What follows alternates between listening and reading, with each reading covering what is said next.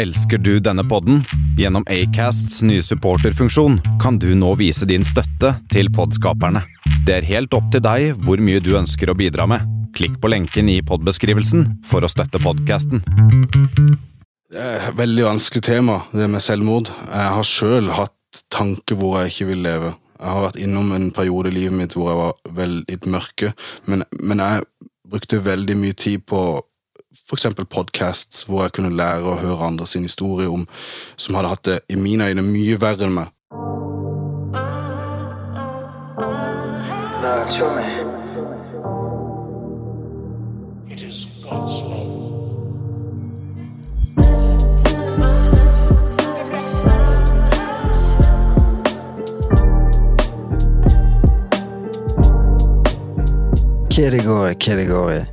I dag har jeg besøk av en showme som ikke ser helt eh, norsk ut, og som heller ikke har det vi kaller et typisk eh, norsk navn. Showmien har allerede opplevd mye på kort tid med tanke på hans unge alder, og han har en stor eh, passion for både trening, fart, spenning og coaching. For noen så kan han se sikkert ut som en typisk eh, bad guy med tattiser overalt, og ikke minst muskler. Eh, Men ikke bli lurt, og døm heller ikke, for eh, bak denne fasaden her så skal dere få lov til nå, eh, kjære lyttere, å bli kjent med denne her kisen her som sitter rett foran meg her. Du, velkommen, Tjommi. Du, vi gir en god, varm applaus for Sergej. Tusen hjertelig takk. tusen hjertelig takk. Du, hvordan går det med deg? Det går veldig bra. Veldig hyggelig. Nå sitter vi her, og dette har jo vi snakket om ganske lenge, egentlig, fram og tilbake. Ja, vi har jo det. Det du spurte jo ganske tidlig, egentlig, når vi ble kjent. Ja, jeg gjorde det. Men eh, jeg turte ikke. Jeg syns dette var veldig stort og spennende, så ja, jeg turte ikke. Hva som gjorde at du fikk det på kroken nå, da? Altså, kort fortalt så har jeg endra min mindset veldig mye i det siste, og jeg klarte å overvinne den frykten, den sosiale angsten jeg har hatt tidligere i livet mitt. eh, For jeg isolerte meg veldig mye i mitt liv. Og jeg kunne skrevet mye på sosiale medier og vært ganske gal og ha det gøy, positiv, kødde mye på skolen osv., men når det kommer til sånne her offentlige skal jeg si, taks eller fremføring og sånne ting, så er det noe som bare låser seg hos meg. Så ja, jeg skifta mindset. Jeg ville bli fri fra denne frykten. Jeg ville ikke la denne frykten kontrollere mitt liv. Om å være åpen og være meg sjøl offentlig. Så det starta med at jeg begynte med å lage en TikTok. Og bare begynne å prate og begynne å legge ut et eller annet som er veldig, veldig ute av komfortsona mi. Jeg begynte å lage Instagram-stories og hvor jeg snakka litt. Veldig ukomfortabelt, men det må til. Eh, Jeg vil få mitt budskap ut der, og ikke kun med ord, men ja. Og og hva er budskapet ditt nå, da, hvis du skal oppsummere det med to-tre to, linjer? Altså, jeg vil at folk skal leve bedre. Enkelt og greit. Eh, Preach. Jeg vil at folk skal utnytte sitt fulle potensial i livet. Det, er- det er min lidenskap, å jobbe med mennesker, egentlig. Og finne frem den nøkkelen til å leve sitt ultimate liv. Fett. Men eh, vi skal jo snakke litt mer om disse tingene her. Men før vi gjør det, så har jeg lyst til å dykke litt mer bakom. Hvem er han her kisen som sitter foran meg her med disse tattisene? eh, du har jo et veldig utradisjonelt eh, I Norge så er det ikke så veldig mange som heter Sergej. Nei. Du er jo ikke 100 norsk, du. Mamma er russisk, og Ja. pappa er tysk. Og vi flytta til Norge i 1998. Da var jeg tre år gammel. Så um, jeg er født i 95, så jeg blir jo 27 i år. Nå denne måneden. Um, ja, jeg kommer fra Tyskland. eh, I et sted, fra et sted som heter Wallof. Veldig liten plass. Eh, veldig koselig plass. Så du er født i Tyskland? Jeg er født i Tyskland. Født okay. i Du har ikke bodd i Russland, liksom? ja, nei, jeg har ikke bodd i Russland. Jeg har aldri vært i Russland. Jeg skulle gjerne vært der, men akkurat nå så er det jo litt feil tilstand å dra der. Men uh, Men, eh, men i Tyskland, da? Ich sprechen uh, Deutsch? ja, ich spreche Deutsch. Ich verstehe nicht die Frage. Kannst du es erklären? Godt. Godt. Nice, du er flink. nei, du, jeg snakket tysk hjemme med foreldrene mine hele livet mitt. uh, Ok. Jeg er ikke verdens beste på tysk grammatikk, og pappa er veldig på det å rette meg når jeg sier feil. Det er jo morsomt. Nå kan jeg rette på han i norsk, så Ja, fin eh, kombo da. Men altså, ok, så du var bare tre år når dere eh, flyttet fra Tyskland? Så det er ikke så veldig lett for deg å huske så mye fra Tyskland, egentlig? Jeg husker eh, Jeg brakk beinet mitt da jeg var tre år gammel. Eller, ja, cirka. Fordi um, pappa kom hjem fra jobb, og det er, noe, det er liksom noe det jeg husker da fra Tyskland. det at Han kom hjem fra jobb, og jeg ble veldig glad for å se han. Jeg løp rett ut i veien, rett i en bil. Bilen kjørte rett i kneet på meg. Så Wow. knuste det. Og så husker jeg bare at jeg hylte. Du hylte, ja. Det var jævlig vondt. ja det, det tror jeg på. Men altså, det er jo, du hadde jo kanskje, for å si det rett ut, da, englevakt, da.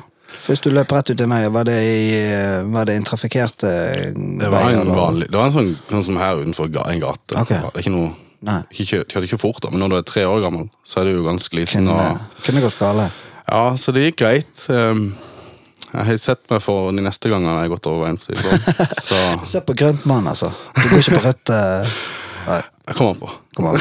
Noen ganger så kan du speede på, ja. Vi kan- Jeg vet jo at du er glad i fart og spenning, Tjommi. Men ok, Ja. men så du eh, Du og din far og mor eh, flyttet til eh, Norge. Men hva som gjorde at dere tar beina fatt og flyr over her til Norge, da? Um, eh, Min far han har alltid vært veldig glad i Norge og Norden. Og vi hadde hytte i, i Sverige, i Värmland, før vi flytta. Og vi var ofte der da jeg var- veldig ung. Um, en liten historie derfra òg. Jeg spiste tennbriketter. Alt på det, Det var bra. Og da var du hvor gammel da? Tre-fire år. Det var hardt liv. Det var Thug life når du var tre-fire år. Altså. var idiotisk eh, og stakkar foreldrene mine, men eh, Ja, ja, men når man er små kids, så vet ikke man alltid helt hva man har. Nei, det så godt ut. det er så godt ut med tannbuketter. Ja, ikke. Jeg tror det var chips, eller? Godteri. Cheat meal. Ja. Men det gikk bra. Du, spiste du, klarte du å spise mye av de, eller var det Jeg tror jeg, jeg tror jeg bare spiste én. Jeg husker jo ikke det, men jeg lurer på om det var én eller noe sånt. Også. Måtte på sykehuset, da? Mamma de ringte naboen og fikk eh, noen tips fra å drikke melk eller et eller annet for å nøytralisere giften. Men eh, jeg tror det var det som hjalp. Ja. Jeg husker ikke. Men eh, det er det jeg husker. Men vi hadde i hvert fall hytte i Sverige. Ja. Og um, det var veldig koselig. Jeg vokste jo opp med å være der, da. Mye. Med Typiske somre og sånt, da. Så da var det utedo og Ja. veldig eh, Ja, hva skal jeg si naturlivet, da.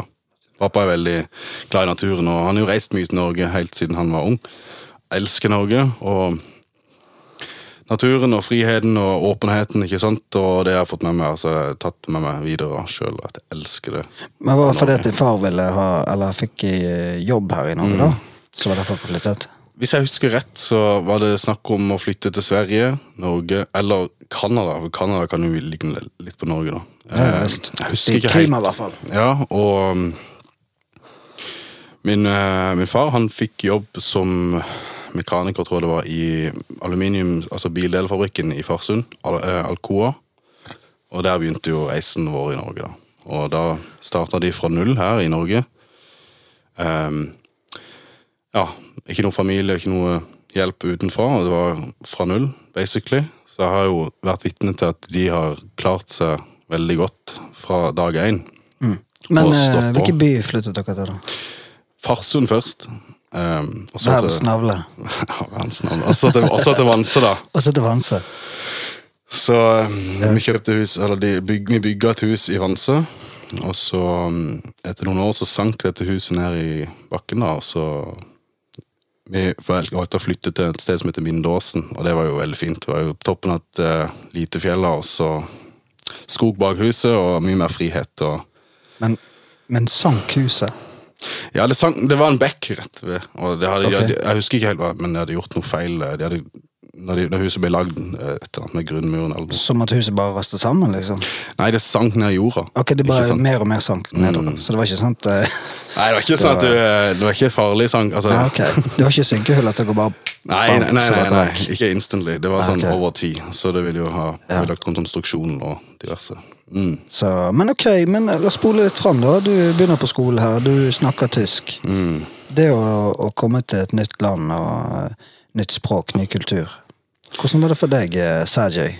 Du var jo ikke akkurat eh, så høy som du er blitt nå. Du var jo litt eh, mindre da. Det, det, var, det, var, det var litt annerledes. Foreldrene mine de er jo vant til tysk kultur. ikke sant? Mm. Så de, det var litt sånn, Første dagen på skolen så kom jeg med en sånn um, svær sånn, faen heter det, en sånn pose med stæsj. Er sånn, I Tyskland så har alle en sånn svær sånn godteripose eller et eller annet sånn Ja. Det var ingen andre som hadde det. Mm. Så var det sånn, Første dagen var, var han som faen han holder på med. Ikke sant? Hvorfor kommer du med den? Alle andre kommer med sekken og klar for ja. En eh, pose, liksom. Ja, ikke en pose, men en sånn svær en, sånn, en tute. da, en sånn, jeg husker ikke helt, det er et navn for dette her. Eh, men det var jo første dagen, da. Eh, men eh, det gikk jo greit. Jeg var jo veldig flink i å lære språket fort. Jeg lærte jo norsk på skolen, nei, i barnehagen, og vi snakka tysk hjemme, så språkmestere. Og jeg fikk venner og sånn. Ja, Så det var mm. Du sier du fikk eh, venner og kjapt i barnehagen? Og, Jeg gjorde det. Jeg fikk venner. Jeg gjorde det. Ja. Um, men når, når, jeg ble litt, eh, altså når, når skolen begynte, så forandra jo ting seg. Og nye mennesker kom inn i klassen, ikke sant. Og barneskole, tenker du på? barneskolen første årene. Så der opplevde jeg noen rare ting, da. For eksempel um, Dette her er jo noe foreldrene er skyld i, ikke barna. Som Jeg, men eh, det er sånn, jeg kunne ikke være med og, være, og leke med de, fordi de var kristne, og jeg var ikke kristen. Jeg er ikke, altså, jeg er ikke kristen, eh, familien min er ikke kristen. Så siden ikke jeg var kristen, så kunne jeg ikke være med og leke, så jeg måtte jo late som at jeg var kristelig for å være med og leke i friminuttet. Eh, dette var i første, andre, tredje klasse ish. Wow. Det syns jeg var veldig rart. Og Men hvem var det noen Ja. som sa at du måtte eh, spille med, da? Var det dine foreldre som sa at du må bare nei, jeg, det, jeg har gjort alt målet sjøl og funnet ut av de sosiale utfordringene på egen hånd og tilpassa meg situasjonen og prøvde å passe inn. Ehm, jeg blir ofte avvist når jeg var helt meg sjøl. det er noe jeg opplevde til ganske ganske lenge, egentlig. Og det er, kanskje nok, det er en av grunnene til jeg holdt meg litt for meg sjøl. Fordi at jeg har ikke kunnet vært meg sjøl uten å føle meg dømt. Så, men nå har jeg jo lært at eh, alle vil dømme det, eller noen vil alltid dømme det. Så nå gir jeg faen. Men, Men, men da på skolen, var det noe som preget hverdagen din ganske mye? At du følte du var litt sånn på utsiden? Ble, ble, ble du bevisst, eller var det sånn at bevisst fra de i klassen eller andre klassetrinn der som tok avstand fra deg? Fordi at du var annerledes? jeg var ikke annerledes i den forstand, men for å få oppmerksomhet så var jeg en klovn. Okay. Jeg, jeg lagde til helvete for, for lærere og for um, Jeg prøvde å få folk til å leve. Det var veldig mye fokus. Jeg ville at folk skulle le. Um, ofte på bekostning av andre og meg sjøl. Um, Så det ble litt slett at du Altså- ble mobba sjøl, kanskje, da? Eller at du ble hang gutt noen andre òg? I og med at du hadde fått oppleve ting sjøl. altså, i første årene opp til sjette, sjuende klasse, så var, følte Altså Eller kanskje til åttende, niende klasse, faktisk. Da, da var det verden mot meg, må det, følte jeg. Og jeg kompenserte med å kødde mye og utagere og sånn. Jeg husker en tagger jeg ned skolen. Eh, det var kult, da. Det var kunst. Det var liksom det var ikke dårlig. Så fikk Kanskje med... ikke lærerne syntes det var like, like fett kunst. Nei, altså det var, Jeg klatra opp og, Med, gym, med gymsalen så klatra jeg opp taket der, og så Ja. um, tagga jeg, lagde noe fet noe, og så Ja. litt forskjellige farger og sånn. Og Ja. gjorde jeg det samme på bussbua retten ved skolen, da, og så gikk jeg hjem, og så fikk jeg en telefon om, fra rektor at eh, alle, alle forteller meg at dette her er du, Sergej. Og du er jo veldig flink til å tegne, og kunst, og kunsten er fin, og bla, bla, bla, men det er ikke riktig ting å gjøre. I hvert fall ikke uten å spørre. Var ikke Mester klart å skryte litt, eller?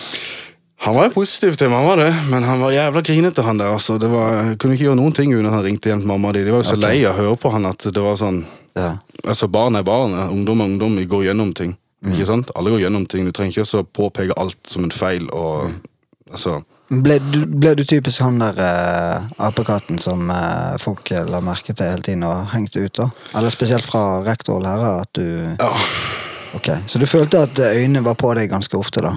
ja det, var, det var jo ikke i en positiv setning, da. Nei, for, Men det trigget da kanskje det at du gjorde enda mer streker, da? eller? Gjorde det kanskje? Jeg gjorde mye rart. Ja, det gjorde det, Ja. Men det er jo Ja. fortid, da. Det er fortid. Det er det. Eh, Jeg vil jo Men- egentlig bare alle godt, i bunn og grunn. Eh, Oppmerksomhet, sant? Ja. Men tror du at det handlet om For jeg har fått inntrykk av at du har Altså, du har jo hatt en far som har reist mye vekk. Og vært mye på farten. Tror du det kan være en greie at du savnet kanskje ditt pappa der, og at eh, er en form for å få eh, oppmerksomhet og bli sett, da? Kanskje? Ja, det er, ja. ja. Nei, du, det treffer meg litt der når du sier det, fordi um, pappa jobba veldig hardt, veldig hardt og bra og mye for familien. Eh, Jeg har stor respekt til min far, men han har jo ikke vært mye, så mye til stede i ungdomstida. For det er da han fikk jobb i Polen og Korea, og okay. jobba mye i Korea mange år. Um, og da var det mye sånn Jeg hadde lyst til å være med pappa um, i mange situasjoner, men han, han gjorde sitt når han kom hjem fra jobb, og han var jo der, men ikke på den måten jeg håpte på. Um, og det, nå ser jeg jo hvorfor. altså Han har jo bare holdt på med sitt og gjort sitt beste, men For å forsørge familien? når man er ung, så føles det jo veldig Man føler seg oversett. Og så er det to små brødre ikke sant, som får oppmerksomhet, og jeg er jo fire-fem år eldre enn de, så Ja. Eh, Så det er vel kanskje noe som gjorde det at den, eh, du til tider kunne kjenne på ensomhet, da? Og, og det savnet etter far, det er, det er jo logisk. At, altså, eh, det var Jeg, kjørte, jeg begynte å kjøre motocross da jeg var elleve år gammel. Eh, sånn Ikke på banen eller noe sånt, det var bare jeg fikk min første cross, for jeg hadde mast i ti år. Så um, da, da fikk jeg på en måte Pappa betalte ting. Eh, for å si det sånn, Han betalte ting i ung alder, og jeg var jo så glad uh, for at jeg kunne kjøre og sånn. Men uh, han var liksom ikke så med på kjøringa. Skjønner du? Hvis jeg ville at han skulle, vi skulle dra på en bane eller eh, dra en plass, og han kunne liksom være med, så, så var han ikke med. Eh, jeg har jo en episode hvor jeg husker jeg var på en bane. Jeg hadde fått en Kawasaki KX85 og kjørte på en sånn treningsbane i Lyngdal. Og så sammen med kompisen min, Steffen Karlsen, hvilefred kompis.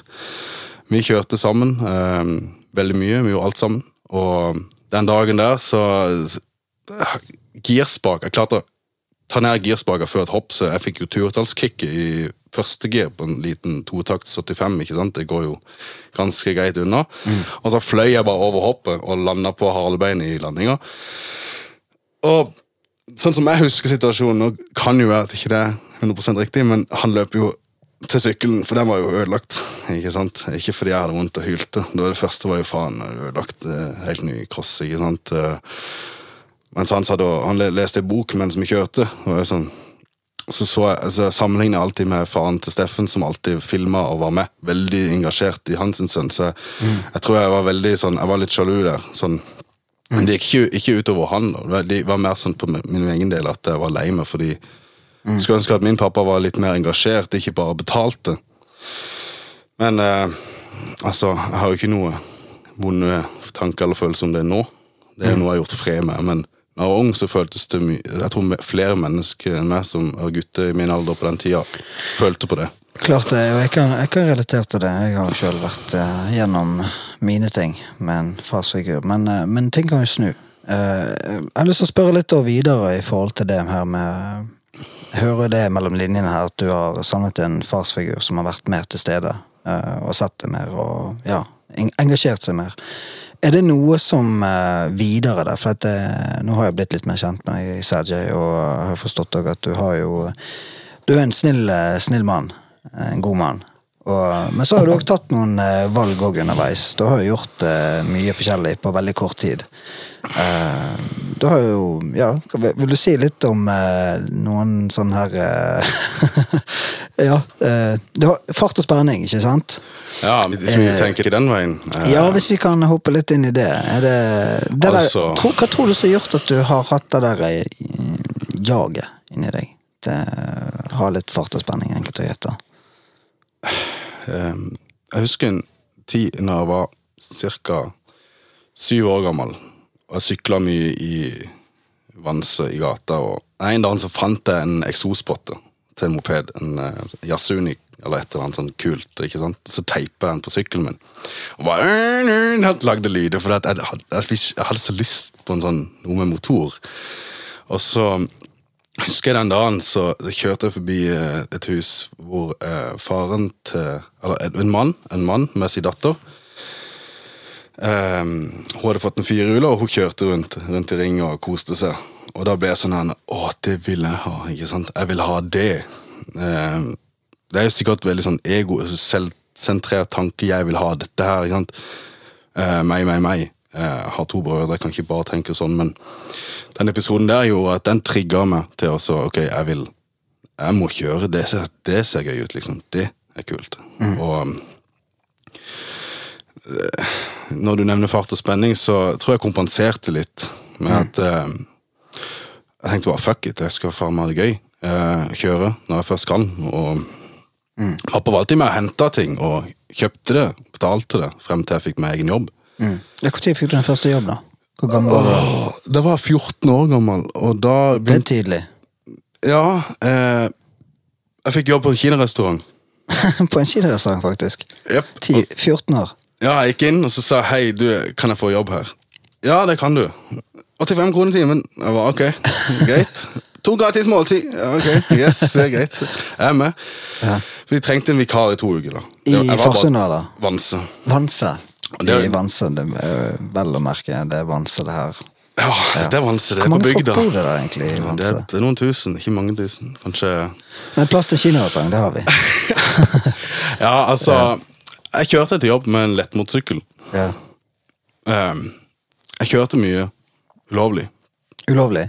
Det var hadde Ja, Du gjør jo det når du ikke blir 16 eller 15. Hva er grensen på uh... det er 16. Det er 16, ja. Uh, men det var sånn Mamma hun, eh, hun chiller hjemme og bare sa ja, kjør forsiktig. ikke sant? Hun regnet med at eh, det gikk greit. Um, hun var veldig snill. Veldig, veldig snill dame, så hun tenkte kanskje ikke over at eh, det ikke var så bra. Men eh, hun var veldig vant til fra jeg var 11 år at jeg bare stakk av og kjørte. Og kom hjem, trygt hjem og var veldig glad.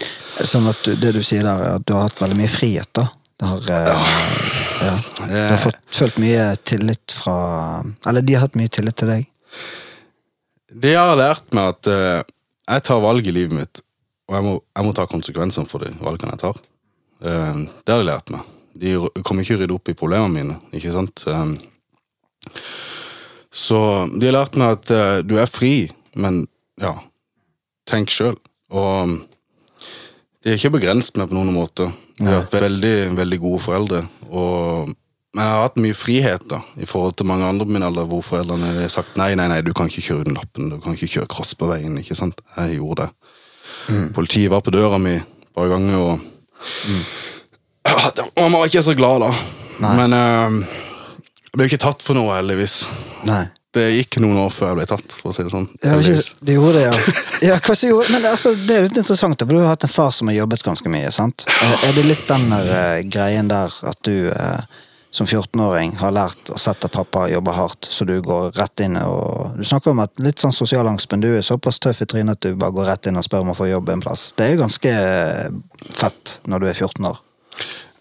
Altså ehm, Ja, pappa har vært veldig rett fram.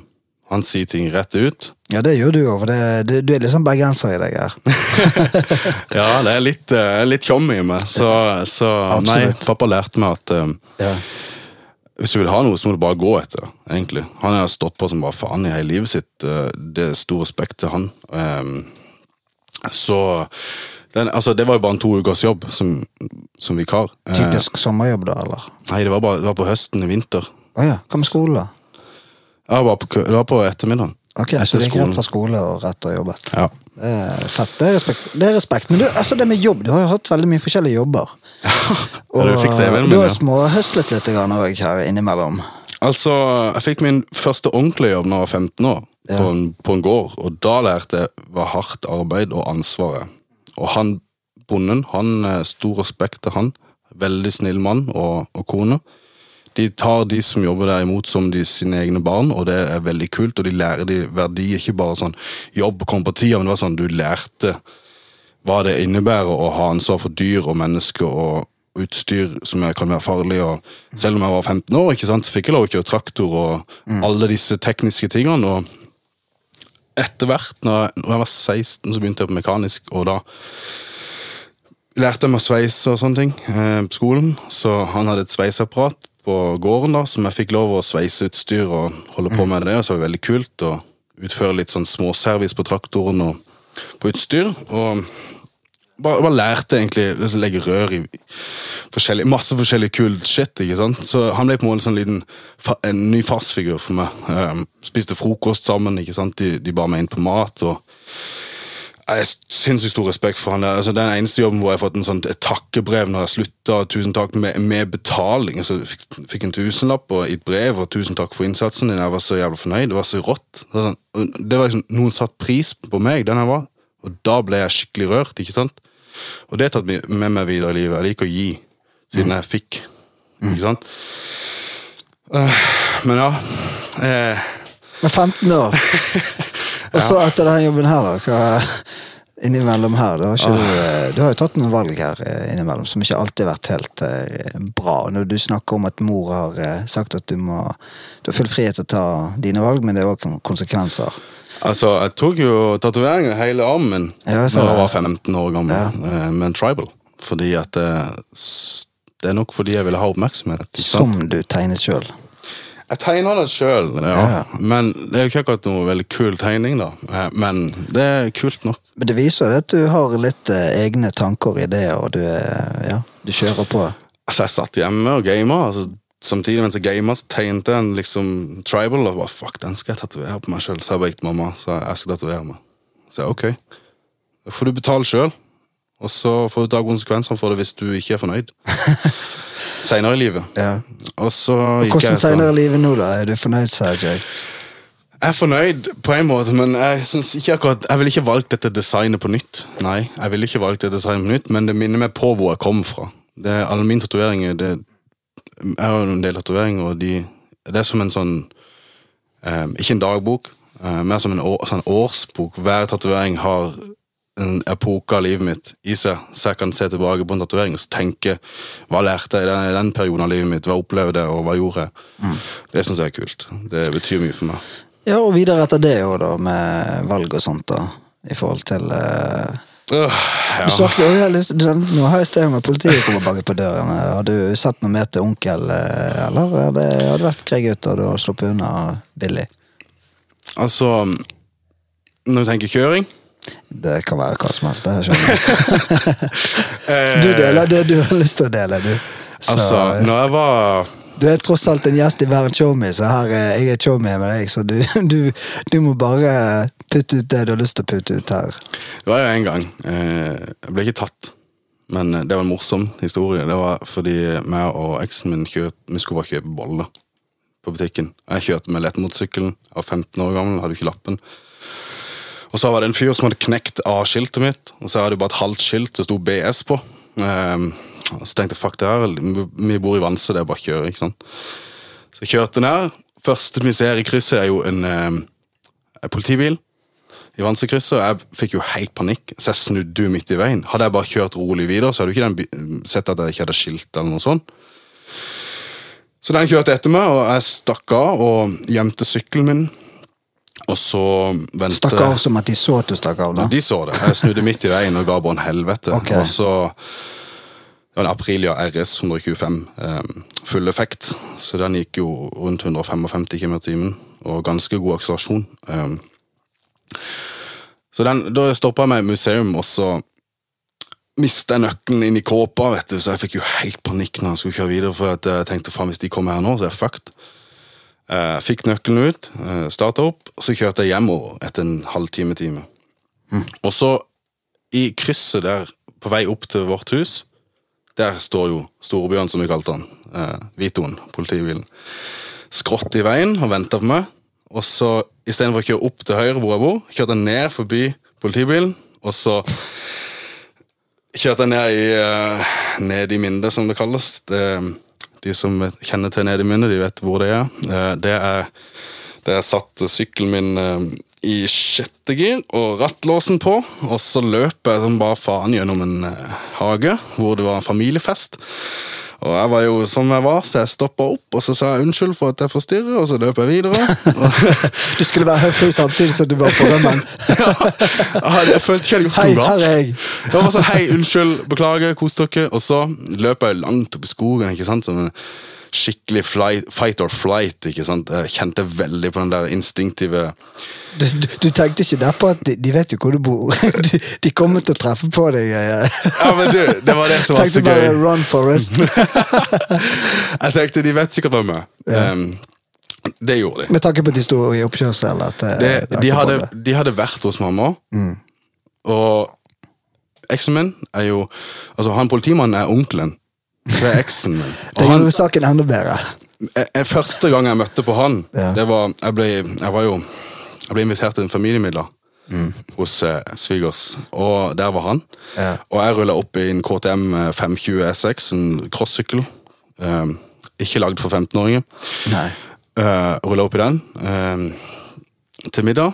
Og så sitter jo politimannen der, og han vet jo Han er bare faen, den galningen her. Ikke sant? Jeg var egentlig bare snill, men, eh, men jeg kjørte jo uten lappen da, og sånn. Og det, det kjente de til, og vi hadde ikke tatt meg for det der og da, så de kunne aldri straffe meg. Men eh, ja, og da satt vi med bordet og spiste hummer, og så kikker han på meg, og så sier han liksom ja, det, det er din sykkel, det. Du, hvordan kom du deg bort her? Eh, nei, jeg kjørte bare på. Av okay. På sykkel. Så, ja, men vi hørte jo at du kom inn med sykkelen. Så sa jeg ja, men det kan ikke ha vært meg. Det, det Du tok den, du, ja. ja, bare, var, han- bare for gøy. ja du trodde han trodde på det? Jeg trodde ikke han trodde på det, men jeg, jeg visste at det funka, for han kan ikke gjøre noe. Nei. Det var litt bare en sånn spøk, ikke sant? for at, ja. dere tar meg ikke. Dere Ja. vet hvem jeg er, dere vet hva jeg gjør, men dere tar meg ikke. Så den fikk jeg svi for seinere tid. Ok. Um, men ja. Um, Ja, du løp inn i skogen. Du må ikke fortelle jeg i skogen. historien. her. Ah, Du var på rømmen, du. jeg, ja, jeg mister fokus av og til. Bra. Jeg var på rømmen, Ja. og skal vi se Hører noe greit? Ja. Veldig bra. Jeg var på rømmen, og jeg satt i skogen og kikka ned, og de gikk innom alle husene. Oh, ja, så Jeg de hadde ikke funnet ut at det var det huset der, altså? Det var Ok. Jeg parkerte utenfor et random hus, Ok. der det bodde litt sånn shady narkoman og sånn. Som jeg, etter, så jeg var jo veldig redd for å gå forbi da jeg var barn. for Og der eksempel. satt du sykkel? Der satt jeg sykkelen. Du og var ikke tenkte- redd for at de skulle stikke av med den igjen? da? Jeg hadde jo satt rattlås på og tok nøkkelen. Ok, ja. Så jeg løp eh, opp skogen, så, så kikket jeg bare og observerte på det som en hauk. Frem til det gikk. Og så, eh, så kom det en crossykkel, da. Typisk på landet, ikke sant? En annen fyr, så jeg løp ut i veien. Og så stopper han bare hei, hei, politiet rundt her. Ja. Eh, pass på, ikke sant? Han, han bare, så sier han ja, jeg, kan, jeg skal ta og lede de vekk fra det. Så har han kjørt noe jævlig, vet du, eh, inn i vanset, og du hørte jo Ikke sant? Ja, Var det en annen ungdom, eller var det Ja, det var en eldre fyr. Det var okay. han i 20-årene, kanskje. Ok. Så han skulle være Han, han var rett og slett uh, være en showme? Han var en ekte tjommi, altså. Det var, det var dritkult. Ok. Eh, Så jeg gikk og starta opp sykkelen min. Ja. Kjørte hjem til mamma, og der fikk jeg kjeft. Mamma satt i sofaen og venta på med meg. Og når mamma blir skuffa over meg, så kjenner jeg det veldig, veldig, veldig hjertet mitt. Det, På hvilken måte da fikk du høre det? da? Var det høyt tonefall, eller er det bare knallhardt direkte? Nei, det var bare sånn hun ser på meg, og så men nesten i tårer, da. Fordi at eh, hun, hun, hun trodde at politiet kom fordi jeg kanskje hadde krasja, dødd eller er blitt skada. Det er jo de sin største frykt. Eh, Så um, Det er veldig Ja. forståelig, da. det er veldig forståelig. Og Ja. Kjære til alle mammaer. Vi er Beklager, mamma. Sorry, mamma, for at alt er på all påkjenninga. Nei um, Så um, tok de nøkkelen til sykkelen min, eh, som jeg fant veldig dårlig gjemt. Den var gjemt.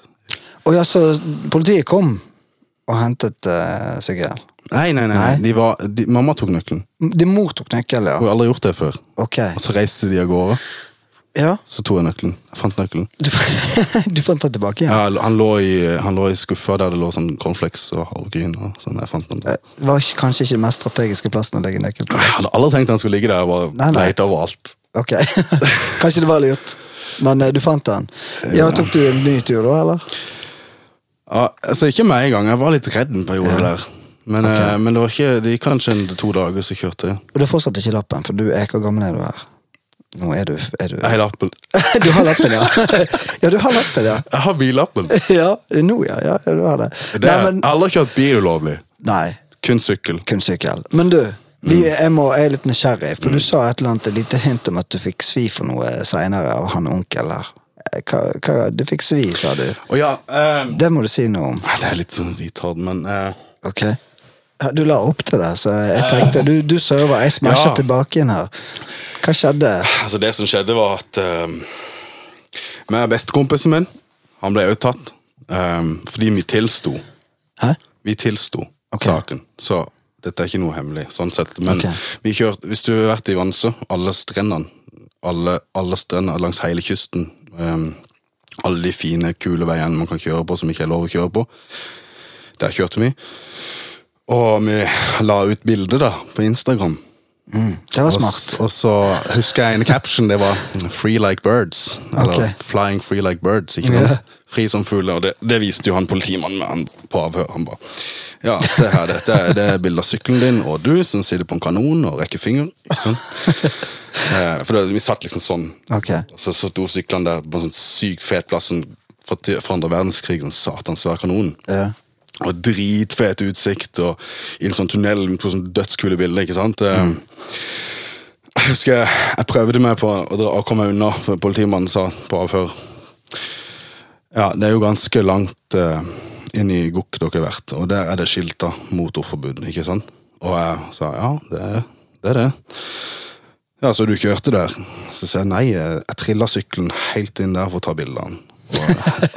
Sa du det? Ja, så sa jeg det.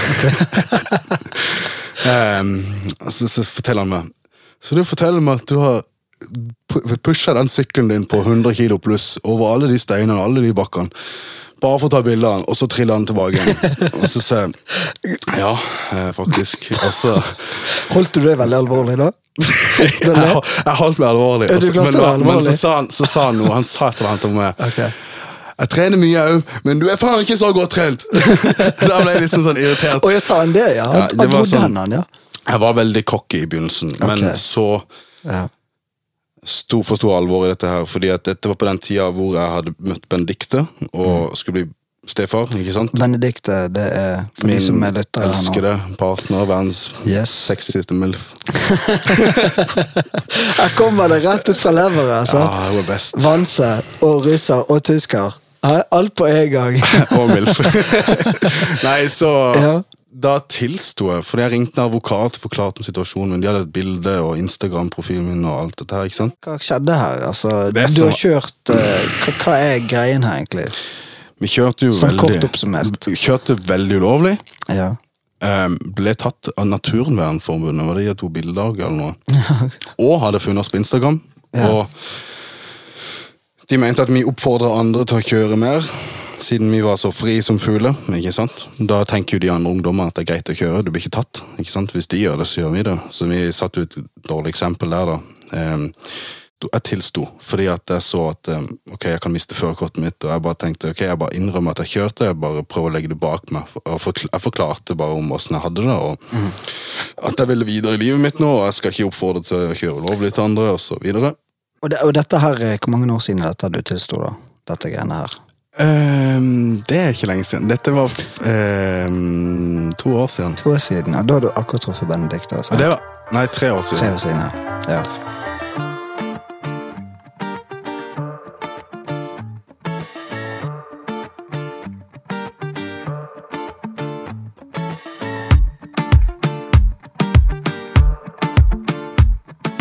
Så, så, du, du står med et veiskille i livet, Mhm. der du tenker at nå må jeg eh, bli voksen. Er det litt det som poppet opp i hodet ditt? Fordi Yes. at du hadde truffet en bra dame som òg har en sønn, og du tenker at nå vil jeg steppe opp når jeg lyst til å Ja. Er det litt eh, det at du var på et veiskille, du, da? Ja, jeg var, jeg var på skikkelig Altså, jeg ville videre. Ja. Men jeg ville ha det gøy. Men det var veldig vanskelig å legge, legge bak seg den adrenalindelen min. Ja. Ehm, jeg, vil, jeg elsker å kjøre, ja. og jeg elsker å gjøre hva jeg vil. Ja. Så du kan ikke gjøre det. Vi kan gjøre Lovlig. veldig mye vi vil, men det er ikke alt som gagner, og alt som alltid har gode konsekvenser. For en sjøl, og kanskje for andre. Helt sant. Jeg lærer jo av feilene man gjør, da. Eh, Men Yes. Altså, jeg skal si helt ærlig, jeg angrer ikke på noen ting jeg har gjort. Det var et spørsmål jeg hadde. Mhm. Er det noe du angrer på hele livet? Nei. Fordi at alle tingene jeg har gjort, har ført meg til det stedet jeg er nå. Med den visdommen jeg har, og kunnskapen jeg har. Og jeg vil si at det er bare sånn livet er. Vi lærer mens vi lever. Så ikke vær redd for å gjøre ting, men, men tenk deg om, kanskje. Altså, Jeg tenkte ikke så mye, jeg bare gjorde ting. Ehm, Ja. Ja. Og, men ok, for jeg- ser tiden òg løper her. Det går veldig hyggelig å prate her, eh, Men altså, ok, du, du, eh, du var jo òg Før Benedicte, så var du òg faktisk i et, langt forhold òg. Sant? Snakker ikke bare to måneder, ni år. Og så treffer Benedicte, boom. Boom! Det var Ja. jeg tilfeldig snakka med henne på Instagram, og så Ja. bare følte jeg en sterk, sterk følelse om at eh, hun må jeg bli kjent med. Altså, jeg må, jeg må, jeg må treffe henne. Ja. Og så traff jeg henne, og så bare var det som noe snudde inni meg. At det bare What the fuck, liksom. Jeg, kan- jeg kan ikke sette ord på det her, men jeg bare Jeg tok den sjansen. Jeg bare gikk ut av forholdet mitt på dagen og inn i nytt forhold. Og jeg står for valgene mine den dagen dag at eh, det var riktig valg. For nå sitter du her og er Jeg må jo si gratulerer nok en gang. Du er jo blitt eh, pappa. Mm. Hva heter lille lille igjen? Det er Ferdinand. Ferdinand. Og nå, eh, nå er det en ny tid. Hva vil du si har vært den største endringen for deg etter det å bli pappa sjøl, når du har sjøl kanskje hatt en far som du har sett opp til, men som du òg har savnet eh, innimellom i din, din barndom og tenårene? Hva er den største endringen her nå? For din del? Største endringa Altså det, jeg vil si den største endringa er at jeg, jeg solgte crossen min. Og jeg måtte legge den farlige delen bak meg og se fremover og være et godt eksempel for mine barn. Jeg ser jo på stesønnen min som en sønn, så jeg, jeg sier mine barn. Skal akkurat å si det er ganske fett å høre at du sier det sånn. Ja, så eh, Det store endring, det er jo det at eh, jeg, jeg har jo mye mer ansvar. Er et nytt liv. Altså, jeg har aldri vært redd for å dø, men nå er jeg redd for å, at han skal leve uten en far. da. Så du tenker mer over dine valg nå? Mm, yep. Og i forhold til det med valg, nå når vi sitter her, vi begge to er jo enormt glad i, vi har en stor lidenskap for trening og ja, det som hører med det. Eh, nå, eh, nå er jo du eh, bånn gass, satsing, vi snakker jo mye om dette her sammen, og eh, jeg har jo veldig tro på det du driver med nå. Du går jo all in på dette her med coaching. Hva er det du ønsker å eh, hjelpe andre med når det kommer til coaching? Jeg ønsker å hjelpe andre, eller egentlig trigge og veilede andre til å innse sitt fulle potensial. Um, jeg mener at vi lever i et samfunn hvor vi blir veldig um, undertrykt av omgivelsene. Um, skolesystemet har ikke akkurat ledet meg riktig vei. Og måten det er satt opp på, det undertrykker kreativiteten vi har inn i oss som barn, egentlig, føler jeg. Personlig. Um, og veldig mange, de, sånn som inkludert meg sjøl, jeg ble lærling for National Oilwell og tok uh, fagbrev som mekaniker. Ja, kun fordi pappa han jobba for National Oilwell som supervisor, og han sa at der er det gode penger, og jeg ville ha penger, så jeg kunne gjøre hva jeg vil. Ikke sant? Så jeg vet det er liksom lært opp til at eh, man må jobbe hardt, eh, og man må jobbe sju til tre, ikke sant, og stå på for, for å oppnå det man vil. Men jeg, ikke noe, jeg kunne ikke bruke kreativiteten min i det yrket. Nei? Og jeg mener at jeg er ikke den eneste som opplever at jeg blir pusha i feil retning av for, for foreldre og lærere som vi ser opp til. ikke sant? Eh, Men innerst inne så føler min sterk trang for noe annet. For eksempel også så følge drømmen sin om å bli sanger, eller eh, lage musikk, eller eh, kunst. ikke sant? Noe som er, kommer inn fra, fra hjertet, fra sjela. Og 100 sånn, I starten da jeg jobba som coach, eller begynte med dette her, så gikk det jo på det fysiske. ikke sant? Folk ville ned i fettprosent, for eksempel. Ok, jeg fikser det, ikke sant? Men jeg så endringer Den psykiske endringa, den var helt enorm hos folk. Og mennesker, ja, de fikk eh, Altså, de fikk til skole bedre, de fikk jobb bedre, de begynte med å følge nye Altså følge, følge opp i ting de kanskje la, la vekk for ti år siden, så har jeg tatt det opp igjen nå. Eh, for- Fordi at eh, de ser at det er det som betyr noe. Så de finner fram sine verdier og følger sine drømmer. Og det er jo der potensialet i mennesket ligger. Når en gjør det en elsker. Men hva som gjør at du nå har føler du, I og med at du har en brann for å hjelpe andre og coache andre på det mentale plan, og med trening, kosthold og alt dette, eh, var det noen som var med å coache deg? Hadde du noen forbilder her som var med å motivere deg til å nettopp gjøre dette sjøl? Jeg fikk min første coach da jeg var 18 år gammel, og da var det kroppsbygging som gjaldt. Um, Det er en mann som heter Brian Hoidick fra USA, som er profesjonell bodybuilder. Og han lærte meg en del om kosthold og trening og det som hører til det. Um, var, altså det var jo ikke noe mindset, det var liksom bare um, litt sånn militært, ikke sant. Og så hadde jeg hatt flere coacher, en som heter Sadiq.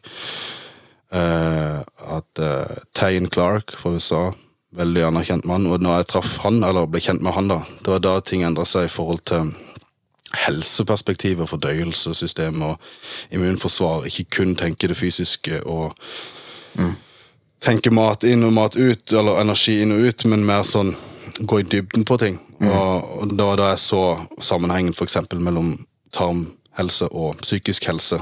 Em, cravings, hvorfor vi spiser hva vi spiser. Og han lærte meg enormt mye. Jeg er med i gruppe der i et samfunn hvor, hvor man lærer veldig mye av han og menneskene som er i den gruppa. da. Og det går jo på forskning og studier og sånne ting. ikke sant? Um, jeg har ikke hatt noen mindset-coach, men jeg har ansatt en nå som heter Bjørn Eirik uh, Jødal, som uh, skal være min mindset- og business-coach. uh, for at jeg skal nå mine mål, og nå, kunne nå ut på den størrelsen, den skalaen som jeg ser for meg. Eh, jeg har et stort mål, og det er å ha et coachingfirma som blir integrert med bedrifter, og ikke kun enkeltfolk, sånn én mot én, men at det blir flere involvert, sånn at vi kan påvirke folk på en større skala. Fett. Er det, dette her eh, Nå er du i full gang med dette her. Og det er litt sånn at eh, du må jo òg få presentere nå at eh, du har jo en challenge her nå. Ja. Som du må få lov til å si kort om her nå. Jeg har en challenge, en 90 dagers challenge som går ut på ikke kun fysisk endring, men selvfølgelig hvis målet ditt er fysisk endring, kun det, så vær så god, bli med.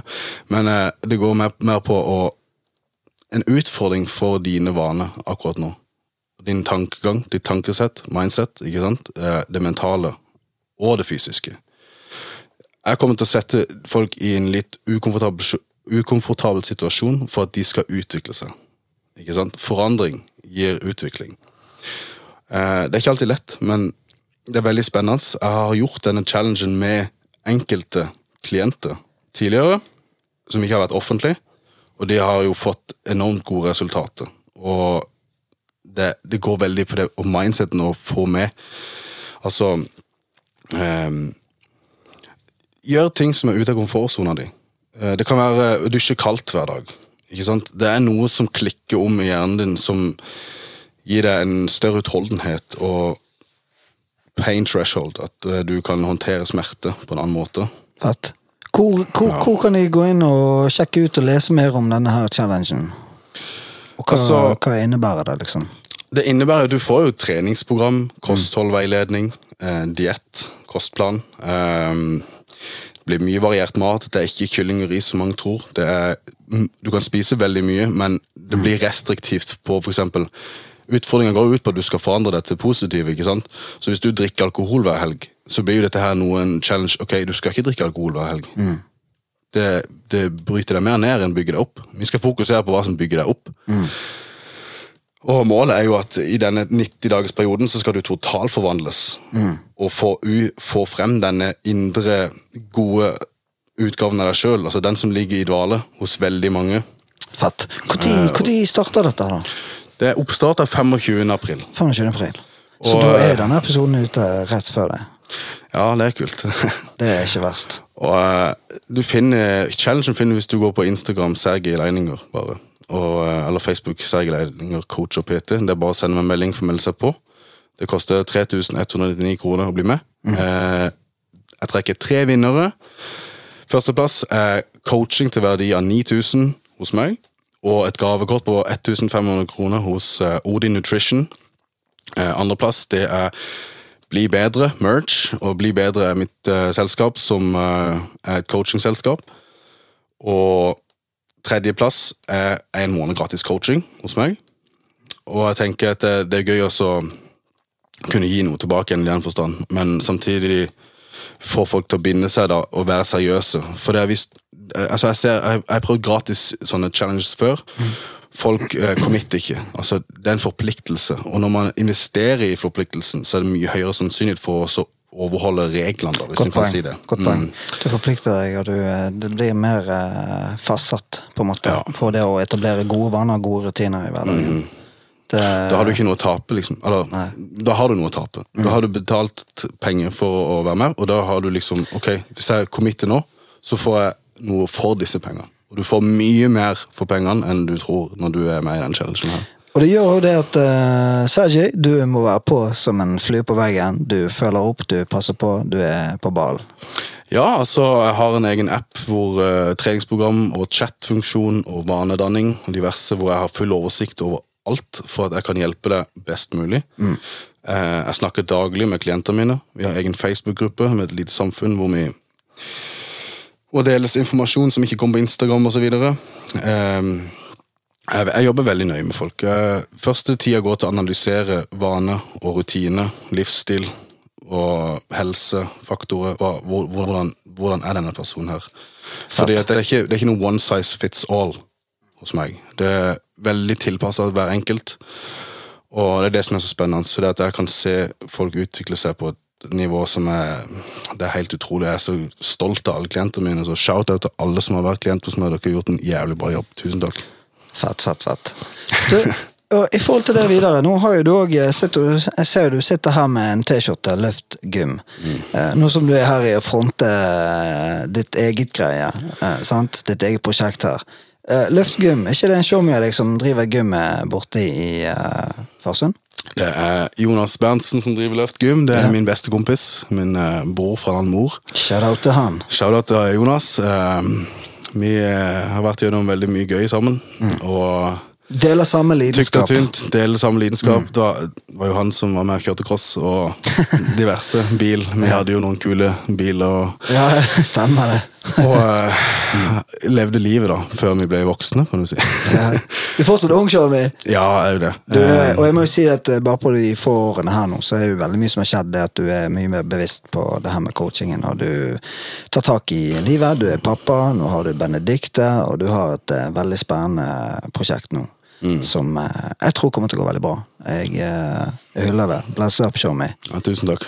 Jeg har noen uh, faste spørsmål som jeg pleier å stille showmeer som er innom eh, denne her podden der. Ja, ja, ja. Eh, Sergej, du nevnte dette her når du var liten kid, at eh, folk som eh, Eller kidsene rundt deg, de eh, Det var mange kristne der. Tror du sjøl, i dag, som en eh, ung, lovende Sergej som nærmer seg 30-tallet, tror du på Gud? Altså, jeg var egentlig litt klar for at du skulle spørre meg om det her. Eh, jeg tror ikke på Gud-Gud, men jeg tror på at det er en høyere makt, eller en høyere skapning enn oss mennesker i forhold til Altså, det kan jo gå veldig i dybden på dette her temaet her, men for å holde det kort, så Ja.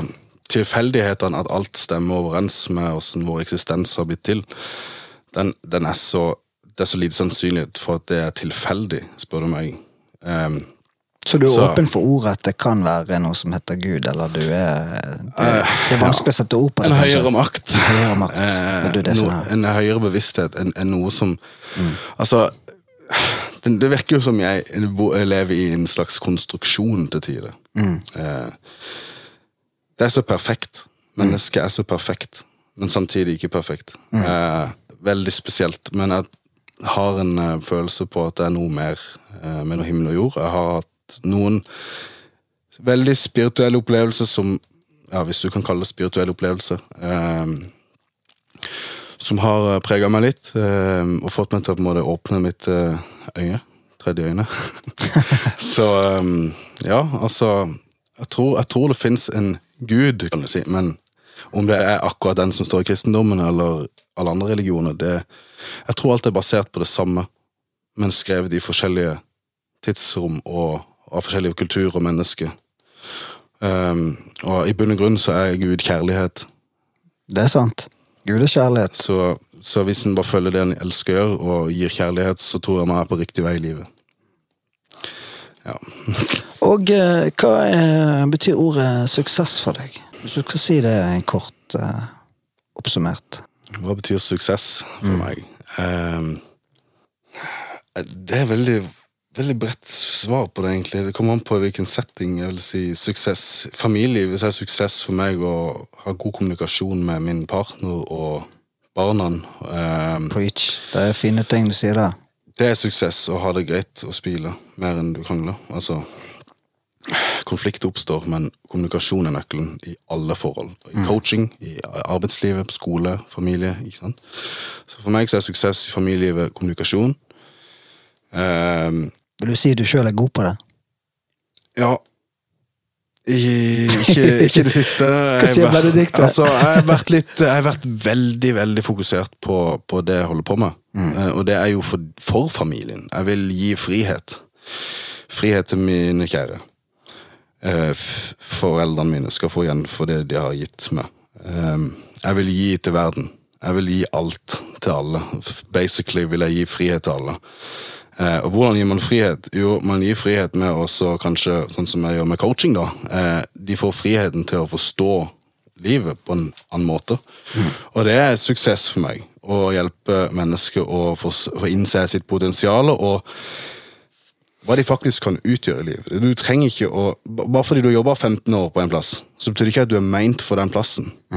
Du er meint for å fly videre, egentlig, spør du meg. For det, det ser jeg når jeg jobber. Jeg, har, altså, jeg er coach på fulltid, men jeg jobber også som prosessoperatør på fulltid. Og mekaniker. Og jeg har jobba i veldig mange yrker i forhold til dette her. Og der, der har jeg blitt kjent med så mange mennesker, og jeg ser at systemet er så det, er så, det, har, det bedøver folk. Ikke sant? Du, de, de får lønninger hver måned, så de holder seg i komfortsona. Ikke sant? Ikke for å få gå for dypt inn i det her, da, men jeg ser, når jeg snakker med mennesker, så snakker jeg med dem ikke bare 'Å, det er fint vær i dag', men jeg ser, de, de forteller meg ambisjoner og drømmer de har hatt som barn. Gjerne 40-50-60 år gamle mennesker. Og så sier jeg til dem 'Men hvorfor gjør du ikke det?' Hvorfor gjør du ikke dette? Nei, jeg kan jo ikke det. Og så kommer masse begrensnings... Uten, unnskyld, Ja, masse begrensa mindset. Ja, ja. Og det er noe jeg vil lære vekk. Når jeg, når jeg har klart også å overbevise, eller lære mine klienter, at mindseten din er det eneste som begrenser seg, det er suksess for meg. Mm. Fett. Når folk blomstrer, det er suksess for meg. Det er veldig fine Jeg av hyller det der. Det er noe med det der at eh, Det var en eh, Jeg har sagt det tidligere, men det var en predikant som sa det. Charles Nidifon. Han sa det at uten drømmer så dør sjelen sakte, men sikkert. Og jeg tror nettopp på det du sier, at vi er skapt med et potensial til å gjøre mer. Jeg tror vi er skapt til å skape kreativitet. I mange slags mulige former. Altså, alle har et eller annet. Og eh, jeg, eh, jeg er så enig med deg at eh, det, er, det er noe med å tørre å gjøre mer ut av komfortsonen. For det er da livet blir spennende. Ja. På godt og vondt. Men ok, Yes. en annen ting. Hva betyr det å være en tjommi for deg, da, Sergej? Jeg er en tjommi. Altså, jeg holder jo min sirkel liten. Jeg har hørt. Ordtaket 'keep your circle small'. Um, har utvida sirkelen min i det siste. Eh, og det jeg ser etter i mennesket, det er jo kommunikasjonsevnen de har. Og kjærligheten de gir. Um, jeg, altså Jeg er ikke interessert i noen sånn overfladiske forhold som ikke gir meg noe tilbake igjen, annet enn en eh, Ok, hva gjorde du i helga på byen, og bullshit. Jeg, jeg bryr meg ikke om sånne ting. Hva, er det noe her som kan inspirere hverandre? Kan vi hjelpe hverandre å bygge hverandre opp? Det verdsetter jeg også. Det er en tjomme for meg. Det er noe som pusher meg til å bli en bedre versjon av meg sjøl. Akkurat som jeg prøver å pushe mine klienter og min kjære og meg sjøl. Det er en tjommi. For vi skal utvikle oss her. Vi skal ikke sitte fast. ikke sant? Se på vennegjengen. Folk sitter fast. For de går hver helg og drikker, og de har det samme opplevelsen på helga. Ja, den sa det, den sa det. Å, så du hun fin dama? Bla, bla, bla, bla. bla. Ikke sant? Ok, Så kommer mandagen, så jobber du mandag til fredag.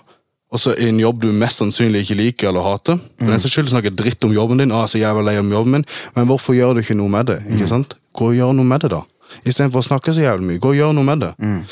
Og um, En jeg- den vil pushe deg til å gå og gjøre noe med det.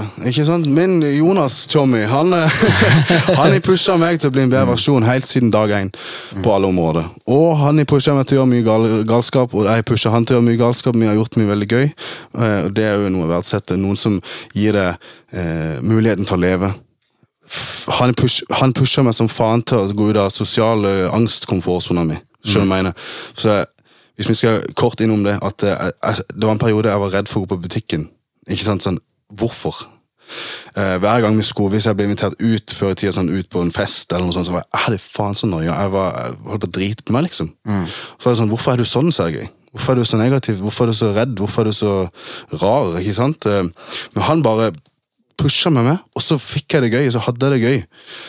Og ja, det, det er en tjommi. En tjommi er noen som pusher deg, faktisk. Noen som pusher deg, ikke bare tillater at du er dritings hver helg og spiser crap. ikke sant? Det, deg sjøl verre enn du er, det er ikke en tjommi. Det er bare en statist i livet ditt. Jeg ser det gnistrer i øynene dine du snakker om dette her med coaching, dette her med selvutvikling og alle tingene. Og det, da jeg tenker med en gang, Sergej, jeg digger det. Jeg digger deg, for du er inne på sporet. Har, eh, det er et løp du er inne på nå som kommer til å bli utrolig spennende med å følge med på deg. Det at du bare sitter her, at du har gått ut av komfortsonen, du er med i din første podkast. Og jeg skal ikke forundre meg at plutselig en dag så sitter du sjøl og driver en egen podkast. Hvor du nettopp kan coache andre. Og det, jeg har så troen på dette her, så jeg digger det. Jeg har tenkt på med podkast. Jeg har, start, jeg har jo starta en podkast eh, som var en episode med lillebroren min, på engelsk. Yeah. Og det var, den, er, den er ikke offentliggjort, fordi at det kleint. Men jeg har lyst å lage en podkast. Jeg har lyst til å få besøk av gjester og interessante mennesker som kan inspirere andre og hjelpe både meg sjøl og andre til å utvikle seg sjøl. Um, Og du er herlig her, som har uh, Ikke her nå, som sitter her nå. Ung og lovende, du har en spennende tid foran deg, og det kommer til å bli dødsfett å se hvordan ting kommer til å blomstre. For at du, du tør hoppe ut i det. alt handler om det. Og det, det, det er òg en annen ting. Vi må opp på noen funny greier. Har du en guilty pleasure som du har lyst til å dele med disse her lytterne? Guilty pleasure. Ja. Um, Alle har et eller annet, har ikke vi det? jo, jeg har det. Spørsmålet er om du vil dele med- Altså, En guilty pleasure kan det være for eksempel, ok, så, så jeg deler jo veldig mye om kosthold på min Instagram. ikke sant? Jeg er. Mm. veldig på å spise sunt og sånn, men jeg, jeg har en jævlig guilty pleasure for okay. pizza og Ja. sjokolade. Jeg elsker pizza sjokolade og junk. Sånn, jeg elsker den maten, så jeg forstår at det er vanskelig å kutte ut, men Handler ikke alltid bare om balanse, da? En, ikke eh, helt, altså. Hvis, Ikke alltid. altså jeg hadde faen meg Jeg kunne spise to-tre sånn svære og pizza på en gang, og sjokolade og chips i tillegg til det her. Altså, men det gjør ikke nå. Nå har jeg veldig god kontroll på mine cheat days, eller cheat meals, eller hva du kaller det. Mm. Eh, Men det er min guilty pleasure. Det er jo egentlig junkfood. Ja. Um, jeg vet ikke, hva er en guilty pleasure? Nei, det kan være som at du digger å høre på Spice Girls. Det kan være at du sitter og ser på uh, Ja, hva skal jeg kalle det?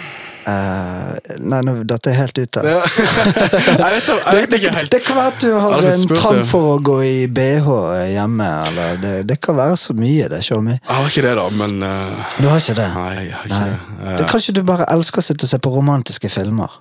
Og du, jeg kan fortelle, det er morsomt. Jeg griner på film. liksom. Når jeg ser film, så begynner jeg å grine på det? mer enn damer. Så du er en veldig følsom gutt? Jeg vil si jeg er veldig følsom. Ja. Jepp. Eh, Ligger det- er det- Mamma har eh, lært meg at følelse det er ekte, og det er ikke noe med å undertrykkes. Det er godt å høre, for dette, jeg har jo startet et prosjekt nå som heter Tør å si det. Mm. I forhold til mental helse. Det er sykt bra jobba. Ja. Dritkult. Og det, litt det du sier der, jeg, jeg digger det òg. Det, det er noe med det å tørre å vise følelser. For hvor viktig er ikke det? Du har jo sjøl mistet noen kompiser. Har du mistet kompiser altså, av de har vært i uhell, eller har det vært òg folk som faktisk har eh, tatt det skrittet og gjort det Eh. sjøl? Har du vært borti det noen gang før?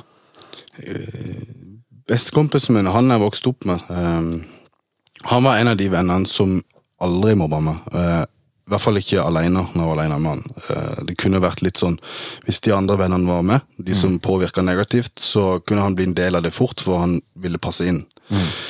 Eh, men når jeg var alene med han, det var min beste venn. Altså, Vi kjørte cross sammen, uh, vi gjorde alt sammen. Eh, vi støtta hverandre opp alltid. Eh, jeg fikk med han på veldig mye drit. Sprell. Han var egentlig veldig ordentlig flink gutt. Uh, Jeg fikk han til å gjøre mye dritt på skolen. På ungdomsskolen. Våre veier skiltes når jeg starta på videregående skole og begynte på mekanisk, og han starta på en annen utdannelse. Eh, jeg flytta til Søgne som lærling. Jeg hadde null kontakt med han til slutt. Vi gikk veldig hver vår vei. Og så gikk det noen år, og så plutselig så får jeg hørt at bestekompisen min tok livet sitt. Det, det er trist. Mm. Og det er vondt å føle på at noen ikke vil være her. Det var et sjokk, og det var veldig vondt, og det var veldig sykt å tenke på. Bare, jeg vet ikke hva jeg skal si om det. altså, synes det ehm, Fordi at Ting kan snu, ting kan bli bedre. ting kan bli bedre. Og det, er et veldig vanskelig tema, det, Det med det. selvmord. Jeg har sjøl hatt tanker hvor jeg ikke vil leve. Jeg har vært innom en periode i livet mitt hvor jeg var veldig mørke, men, men jeg brukte veldig mye tid på f.eks. podcasts, hvor jeg kunne lære å høre andre sin historie om som hadde hatt det i mine øyne mye verre enn meg. Ehm, men så er det jo det at smerte ikke sant? Jeg kan gå gjennom én ting, du kan gå gjennom annen ting, men vi kan føle på det samme. Visst. Og, og Derfor syns jeg det er feil å si at nei, du har jo hatt det verre enn meg, eller jeg har hatt det mye verre enn deg. Hva med å tenke at vi begge to føler Vi føler på det samme, la oss støtte hverandre. Ja. Men det, eh, det, og det er noe med det å tørre å si det. Det er å snakke sammen som eh, menn. Og det tenker Mm. jeg i forhold til det med coaching og sånt og mental helse. Det som er bra med trening, folkens, og kosthold og sånt, å få kontroll på Nå er jo jeg Jeg kan ikke sitte her og framsnakke meg sjøl at jeg er så god på søvn, for eksempel, for det, søvn òg er dritviktig. Men hvis en klarer, da, jobbe med kosthold, Mm. ernæringen og søvn, så lover jeg dere at dere, i tillegg det å snakke med noen om ting som er vanskelig, så lover jeg at ting kan virkelig snu til det positive. Og det er jo det jeg digger med prosjektet ditt, Sergej, at du En kan òg forebygge mye, ikke bare det med kroppen, men man kan òg faktisk forebygge at folk får en bedre livsgnist. At Ja. folk ikke tar det skrittet og ja, eh, ender opp med å ta livet sitt, for eksempel. For ting kan snu, smerte midlertidig. Utfordring gir rom for vekst, og det er nettopp det jeg liker med den challengen. Det er at utfordring, det kan gi rom for vekst, folkens. det er akkurat det. Så- det er life-changing. Det er noe med det. Og jeg har lyst til å stille siste spørsmål, og før jeg også stiller siste spørsmålet, så har jeg lyst til at folk skal gå inn og sjekke ut Sergej på Instagram. Si adressen en gang til. Sergej Leininger i ett ord. Eh, Det er jo alltid morsomt å forklare navnet mitt. Det er typisk. eh, Men eh, S-E-R-G-E-J. L-E-I-N-I-N-G-E-E-R. Sjekk det ut, sjekk det ut. Bless up showmen Yes. og vær med. og Det er noe med det, det jeg liker som står i Bibelen, at vi skal kappe som å hedre hverandre. Vi skal kappe som å heie hverandre fram. Sammen kan vi skape gode resultater. Sergej, det siste spørsmålet mitt. Et tips til de som ønsker å følge drømmen sin. For det er jo noe du har virkelig tatt tak i nå. Ja, tips Det som eh, Ok. ehm, Kort, hvis dere klarer det kort, kort. eh, kort versjon. Det er jo alltid vanskelig i mitt tilfelle. Eh, ok. Uh, fuck frykt. Ok, Gjør frykt om til din venn. La det være en drivkraft. Ok, Min frykt den holdt meg tilbake igjen i mange år. Selv om jeg alltid har jobba med coaching på sida av mine faste jobber, så har jeg alltid hatt frykten for å hoppe i det. Men nå hopper jeg i det, og jeg er ikke redd. Jeg har ingenting å miste på å gi mitt beste. Hvis jeg ligger dødende et eller annet tidspunkt når jeg er eldre, og ser tilbake på tida mi nå, og jeg kan reflektere over situasjonene mine og tingene jeg aldri gjorde av frykt, da har jeg feila i livet. Ikke sant? Fordi at da ligger jeg der og kan ikke gjøre en dritt med det. Jeg har ikke noen ny sjanse, for jeg skal dø. Ikke sant? Så jeg tenker, fuck den frykten. Følg drømmene dine, fordi at du har bare ett liv. Det er veldig verdifullt. Konkret, for det, det er òg en ting som man kan snakke mye om. Drømmer kan være veldig svevende. Hvor begynner man? Hvis du skal bare si kortet, hvor tar man taket først? Se på mulighetene rundt det. Se på, altså, tenk løsninger fremfor utfordringer. Tenk, eh, Istedenfor å tenke what if, altså hva om, bla, bla, bla. Alle tenker jo hva om, hva om det skjer, og hva om ikke det går, og hva om ikke den personen liker meg, eller whatever. Tenk heller hva er, ikke sant? Hva er rett foran det her og nå, ikke sant? Altså, hvis du blir klient hos meg, du er jo coach-kunde hos meg. Det er ikke sånn jeg tenker 'Å, hva om dette ikke fungerer?' Jeg tenker 'Ok, hva, hva gjør du nå? Hva kan jeg hjelpe deg med å forbedre her og nå? Jeg jobber her og nå. Jeg tar et steg, små steg. Ett steg om gangen. Du trenger ikke Altså, si at du vil Jeg sliter med Ja. chipsen nå. Du sliter med chipsen. Vet du hva? Chips er jævla digg. Det er er ikke rart du sliter med Det chipsen. er deg, Tjommi. Nei, men altså, ta, ta det første steget, vil jeg si. eh, Ikke kjøp det inn. Ikke plasser det inn i skapet, eksempel. Nei, det er et veldig godt steg, det å ikke handle inn. Kanskje en Sånn. dag i uken. Kanskje en gang i uka. Du kan i teorien ha det hver dag, men er dette noe som holder deg igjen fra dine mål? Ikke sant? Det må du tenke. Du kan, du kan spise Snickers hver dag på en diett, fordi at hvis du tenker kalori inn vs ut. Men er dette noe som gjør at du plutselig craver mer av det? Og er det noe som gjør at du eksempel spiser Snickers istedenfor veldig næringsrik og sunn mat? ikke sant? Altså, En kan proppe i seg is og sjokolade og crap, eh, og så få antall kalorier man skal ha en dag. Men det er stor forskjell på disse ultraprosesserte matvarene kontra kalorier fra råvarer, som f.eks. eksempel potet, ris, kjøtt, fisk, fugl, egg, nøtter, bær osv. Frukt. Så hva velger du? Hva er det som gjør at du blomstrer, og hva er det som gjør at du visner? Ja. Ikke sant? Du vil jo gi blomstene dine vann og sollys. Hvorfor ikke deg sjøl? Kanskje det å skrive ned, da. Definere noen konkrete mål. Hva vil du? Ja, skriv ned Også- målene dine. Ja, skriv ned store mål. Del opp de store målene i mindre mål. Og del opp de i mikromål. Fra for eksempel dag til uke til måned. For eksempel det, Si du vil tjene fem millioner kroner. Så må du tenke ok, hvordan skal jeg tjene fem millioner kroner? Ok, Jeg vil gjøre det med mm, musikk. Ikke sant? Ok, Jeg skal synge og tjene fem millioner kroner innen fem år. Ok, Da må du skrive ned hva må til. Ja, Da må jeg kanskje handle inn utstyr for at dette skal bli kvalitet. Jeg må bygge et nettverk for at folk skal finne meg og kjenne meg. Jeg må få referanser. Ikke sant? Eh, du, alle disse små tingene. Men når du har skrevet ned alle disse små tingene og Kanskje det første steget er kjøp inn en mikrofon mm. til 1200 kroner, for eksempel.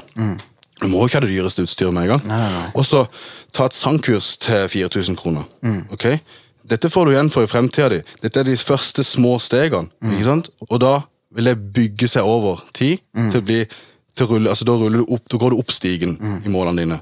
Så når du har begynt å synge, bygga nettverk, ikke sant? Du har fått masse gode reviews, anmeldelser. Folk eh, kjenner til Oi, dette er en flink person, ikke sant? Og hun synger dritbra. Um, du har utstyr hjemme til å spille inn musikk, så du er ikke avhengig av å gå på studio. Uh, selvfølgelig går du på studio når du går høyere opp i rangen, for du må ha kvalitet. Helt selvfølgelig. altså. Men skjønner du at det er alle de små stegene. Det blir, og så plutselig er du der med ok, nå har du tjent 100 000 på en måned fordi du har fått masse gigs, og du har eh, spilt inn låter for andre folk, eller vært eh, sanger i forskjellige ja, ja, du skjønner hva jeg mener. Altså, det baller seg på, så plutselig etter to og tre måneder så er du så har du gjennomført alle mikromålene, og du er på eh, en av de delmålene. Og så fra der gjør du akkurat det samme. Det er egentlig veldig simpelt, men det høres så stort ut. Det ser stort ut fordi man tenker liksom alt på en gang, men man må bare begynne en plass. Du må bare begynne her og nå. Her og nå. Her og nå, ok? Du, alt du har, er her og nå. Ja, ja. Og så ikke bare det, men man finner mye Du var inne på noe i sted, da. For jeg òg kjenner meg igjen i det. Ok, Når jeg, var på, når jeg har hatt det tøft, utfordringer, Mm. hva elsker jeg å gjøre? Jo, jeg elsker å se på quotes. Jeg elsker å høre motivation speakers. Instagram. Det kryr av flinke folk som er entreprenører, businessfolk. altså Folk som har klart å, å, å gjennomføre ting de har hatt lyst til å gjøre.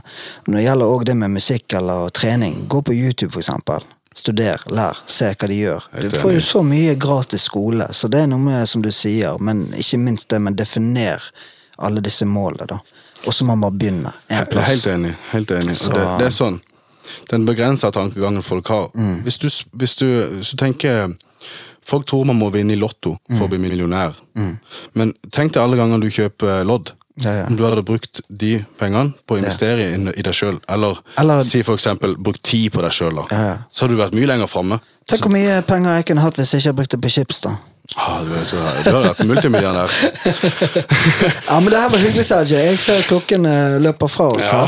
Det her var utrolig hyggelig. Og så må jeg òg igjen uh, si bless up, og tusen takk for at du uh, Tusen takk for at du tok tid Igjen så må jeg si bless up, og takk for at du tok eh, turen innom her i Vern Show Me-podkasten.